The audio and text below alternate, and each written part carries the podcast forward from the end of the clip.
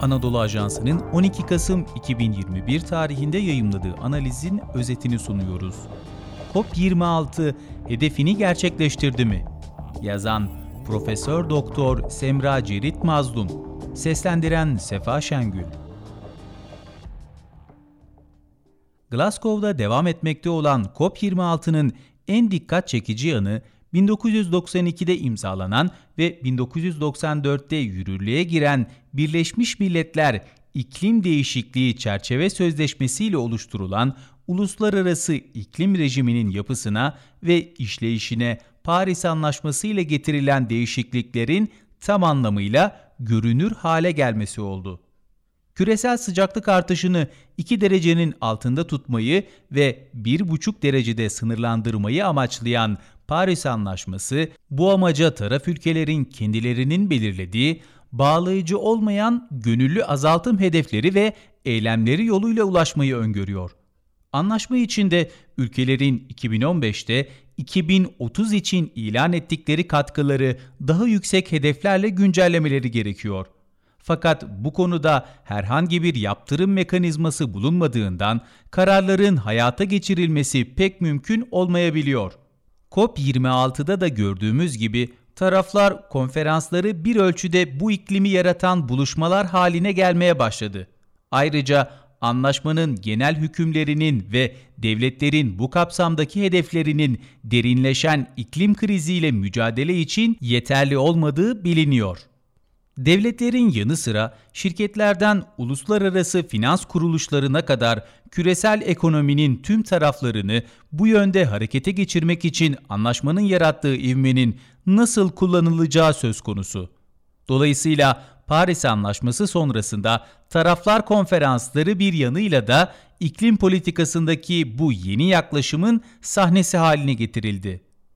Konferansta özellikle ilk hafta ormansızlaşmanın durdurulması, kömürlü termik santrallere finansman sağlanmaması gibi girişimler, ardından fosil yakıt sübvansiyonlarının sonlandırılması, otomotiv sektöründe fosil yakıtlı araç üretiminin belli bir takvim çerçevesinde sonlandırılması gibi katılımcılar arasında devletlerin, şirketlerin, yerel yönetimlerin ve sivil toplum kuruluşlarının bulunduğu platformlar konferansın resmi gündemindeki müzakere konularının önüne geçti. Gönüllü olarak toplanan bu platformların ilan edilen amaçlar doğrultusunda geçip geçmediğini izleyen bir mekanizma olmadığından karbonsuzlaşmaya ne kadar katkı sağlayabileceklerini ölçmek güç. Sürdürülebilir kalkınma hedefleri COP26'nın başlıca görevlerinden biri de Paris Anlaşması'nın 6. maddesinde tanımlanan sürdürülebilir kalkınma mekanizması, emisyon ticareti ve diğer ortak uygulamaların işleyiş kurallarının karara bağlanması ve ilgili kurumların oluşturulması. Bu konudaki müzakerelerde çok sayıda sorun nedeniyle ilerleme sağlanamıyor. İlk olarak Avustralya, Hindistan gibi bazı ülkelerin Kyoto döneminde elde ettikleri emisyon kredilerini Paris döneminde kullanarak 2030 hedeflerini bu yolla gerçekleştirme talepleri bulunuyor. Bu anlaşmanın emisyon azaltma iddiasını zayıflatacak bir sonuç doğuracağından tepkiye yol açıyor.